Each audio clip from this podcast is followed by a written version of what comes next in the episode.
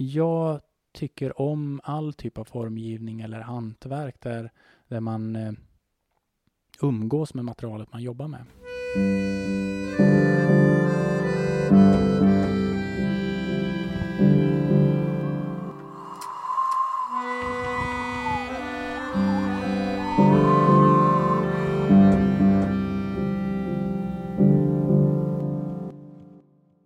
Här är Formkvarten, Svensk Form Dalarnas podd där du får möta kreativa personer inom form och design i Dalarna. Dags för dagens gäst. Stefan Andersson, krukmakare, boende i Alvik utanför Leksand. Du kallar dig krukmakare och inte keramiker. Varför då? Nej, men eh, som krukmakare jobbar jag med bruksgods. Som keramiker kan man ju göra allt möjligt. Skulpturer, utsmyckningar eller ja, även tallrikar i och för sig. Men krukmakare säger att det är just bruks som jag jobbar med. Du är en slags keramikinfluencer också, Stefan. Berätta om det. Ja, det, det, är jag väl nu då. Um, och det har ju kommit sig rent naturligt. Jag har lagt ut saker på Instagram och Facebook innan det och varit medlem i olika forum och sådär. Och på så vis har det liksom sakta men säkert ackumulerat folk runt mig. Och sen med allt jag har gjort mot restauranger och så, så har ju den gruppen ökat väldigt mycket. Restaurangerna har ju ökat intresset för keramik och krukmakeri specifikt då, väldigt mycket de senaste åren i Sverige. Vad är det då för restauranger framförallt som du har samarbetat med? Berätta. Ja, det närmaste samarbetet och det som är störst är ju med Fransén i Stockholm, Björn Franséns stjärnkrog då. Men det här då att du faktiskt är en slags influencer inom det här fältet. Vad har det lett till för din del? Ja, det leder ju Ja, dels så sätter det lite krav på mig på något sätt. Jag behöver ju ta ansvar för vad jag säger på något sätt. Men en sak som jag vill trycka igenom hela tiden det är ju en, en öppenhet för att man kan göra på olika sätt och så vidare. Så det tänker jag på. Men för mig personligen så har det inneburit att det är lättare att överleva i mitt yrke. Är det viktigt det där att faktiskt försöka nå ut också? Ja, att överbrygga de här hindren som folk har är ju jätteviktigt. Att vi får ingångar i nya hantverk, nya vad det nu må vara. Det är ju jätteviktigt och det är ju del av mitt ansvar som utövare att faktiskt göra möjlighet för folk att komma in och se och förstå vad man gör. Just ikväll, där vi befinner oss i Rättvik, har ju du tilldelats en utmärkelse. Berätta om det. Ja, det är ju en jätteära då. ja, vad ska man säga? Det, det är ju roligt att bli upplyft som en formbärare här i, i länet och, och få bli synliggjord för närmiljön på ett annat sätt. Ehm, min kundgrupp var ju förr i tiden bara utomlands och så sakta men säkert har det rört sig in på finkrogar i Stockholm framför allt. Och, och nu så kanske några i Dalarna hittar till mig också. Och det är vedugnsbränning som gäller för dig? Ja, det är ju det som mest är unikt för mig, men jag jobbar ju med många olika tekniker också. Men vedbränningen är ju central och det är ju att jag helt enkelt bränner keramiken till höga temperaturer i en stor, stor vedugn. Stort arbete, många timmars hårt slit också då. Det är ju mer rationellt att bränna i elugn kanske, men det här ger ju värden och uttryck som inte finns någon annanstans. Hur vill du själv beskriva din stil, din formgivning? Ja, men det är ju som en kombination av många olika saker. Jag är ju jag är en del av min tid på något vis, så jag får influenser från hela världen på sätt och vis.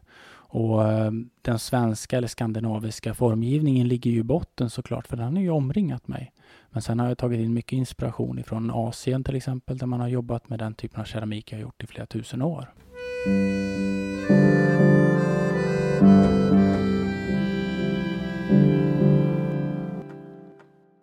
Det framför allt du gör för någonting i ditt yrke? tallrikar, skålar. Det är framför allt det.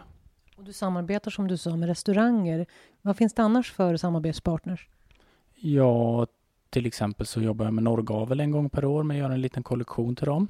Eller liten och liten, det är flera månaders arbete att göra den, men den är tidsbunden då. För att allt jag formger är ju väldigt korta serier. För jag är mer intresserad av formgivningen framåt än att återskapa vad jag redan har gjort. Klädbutiker har du jobbat med också? Ja, flera stycken sådär. Det har skapats ett intresse och en brygga mellan just klädscenen och keramik, vilket var otippat på något vis. Så till exempel Nitty Gritty eller Look eh, i Oslo. Där jag gör kollektioner till dem. Så syns jag i en helt annat forum. Och det kanske går lite på den här linjen att jag vill inkludera fler människor att se och hitta till keramik. Är det en ny grupp människor som har fått upp ögonen för keramik nu? Ja, det är det verkligen. Det är ju eh, mycket bredare än vad det har varit. Det har ju alltid funnits ett stort intresse för keramik, men det är en ny grupp människor som kommer in och jag pratade så sent som idag med en som ska starta en ny drejverkstad i Stockholm för att intresset är så stort att bara få göra själv. Vad är det mest udda du har formgivit någon gång? Ja, det var ju en svår fråga, men jag kan tänka mig att det är vad jag håller på med just nu. Det är någon form av knivställ, alltså att det här är specialgjorda knivar och då har de jättefina skärbrädor, men så ska man lägga ifrån sig kniven på en speciell eh, plats. Och i det här fallet så skulle det vara en, eh, en bricka gjord av mig i keramik då. Vad är det mest kända som du har gjort? Ja, det blir lite svårt eftersom jag inte jobbar med återkommande serier på det viset så är det ju ja, um, mer att vilka, vissa blir väldigt synliga och då är det kanske ett par, tre tallrikar som jag gjort i Franzén som har blivit väldigt upphåsade och synliggjorda. Då. Kan du beskriva hur de ser ut? Ja, den ena är väl en, en eh, gråvit tallrik med blått och guld på som är ganska fritt målad, ganska ja, vilt målad med blått och guld. Och det andra är en vedbränd tallrik. Och det som är så roligt med de här tallrikarna är att de, även fast de är gjorda på helt olika sätt, fångar båda två en, den här livligheten och livet som finns i lera och de keramiska materialen. Vad tycker du själv mest om av allt det som du har gjort? Har du någon sån där favorit? Ja, det var en fin fråga, men jag tror inte jag kan ha en sån riktigt, utan vad jag jobbar med nu är oftast vad jag älskar och sen så släpper jag det, säljer det och går vidare. I bästa fall säljer det. Du sa förut när du pratade här på eh, Svensk Forum Dalarnas event att lera ska vara som en vän man umgås med. Hur menar du då? Ja, men jag tycker om all typ av formgivning eller hantverk där, där man eh, umgås med materialet man jobbar med. Istället för att betvinga det, istället tar tillvara på de styrkorna som de har. Lera har till exempel en tendens att slå sig, vrida sig, röra sig, spricka och allt möjligt. Och allt det där kan vara vackra effekter om det används på rätt sätt. Istället för att betvinga det och säga åt det att det ska vara som plast till exempel eller så.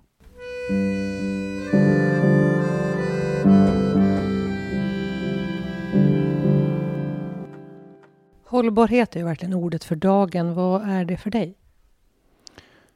Ja, i min egen verksamhet så är ju hållbarhet centralt. Eh, många av de valen jag gör i färger och sådär är ju för att undvika det som, som både rent eh, miljömässigt är skadligt, eh, både i görandet och i användandet, men kanske framförallt idag i brytningen av mineraler och sånt där. Så jag försöker ju hålla allting hemma. Så jag jobbar ju med naturliga material väldigt mycket i mina glasyrer, såsom aska och blålera från Alviken och så vidare. Hur tycker du att Dalarna är som formlän? Ja, men rikt. Och de senaste åren har det ju verkligen blomstrat. Vi ser ju massor med konstnärer och hantverkare som kommer tillbaka ifrån utbildningar och söker sig hem igen, men också folk som helt spontant bestämmer sig för att sticka upp till Dalarna istället. Är människor beredda att betala de extra kronorna som det kostar för att få riktigt gott hantverk då? Ja, det, det, har ändrat sig också. Jag tycker att den kundgruppen jag träffade för 15 år sedan var helt annorlunda. Den nya kundgruppen är eh, 35 till 45 för mig och män skulle jag säga. Um, men det kommer ändra sig igen och igen. Men det som är tydligt är att man ser och värderar handens arbete mycket högre än vad man gjorde för några år sedan. Det sågs nästan som lite korkat en gång i tiden att göra saker själv. Det var ju lättare att rita det på papper och skicka den ritningen till Kina. Men man uppskattar att det görs hemma och att man också möter hantverkaren genom hantverket. Så att ha träffat personen personligen har också ett värde. Och så slutligen, Stefan, vilket är ditt allra bästa formtips? Ja, om jag ska hålla mig i mitt eget fält så är det ju enklast att tänka att man bara öppnar upp sitt köksskåp och så tittar man in där. Är det bara vitt porslin så ska man nog tänka nästa gång man handlar någonting att se om man kan få in några andra färger. För mat, eh, om man tänker presentationen av mat, eh, så är det ju inte så att allting passar på vitt porslin. Och det kan vara allt ifrån form och sådär, bara tänka färger första stegen, att tänka någonting annat än vad det som redan finns där. Tack så mycket Stefan Andersson. Ja, tack så jättemycket.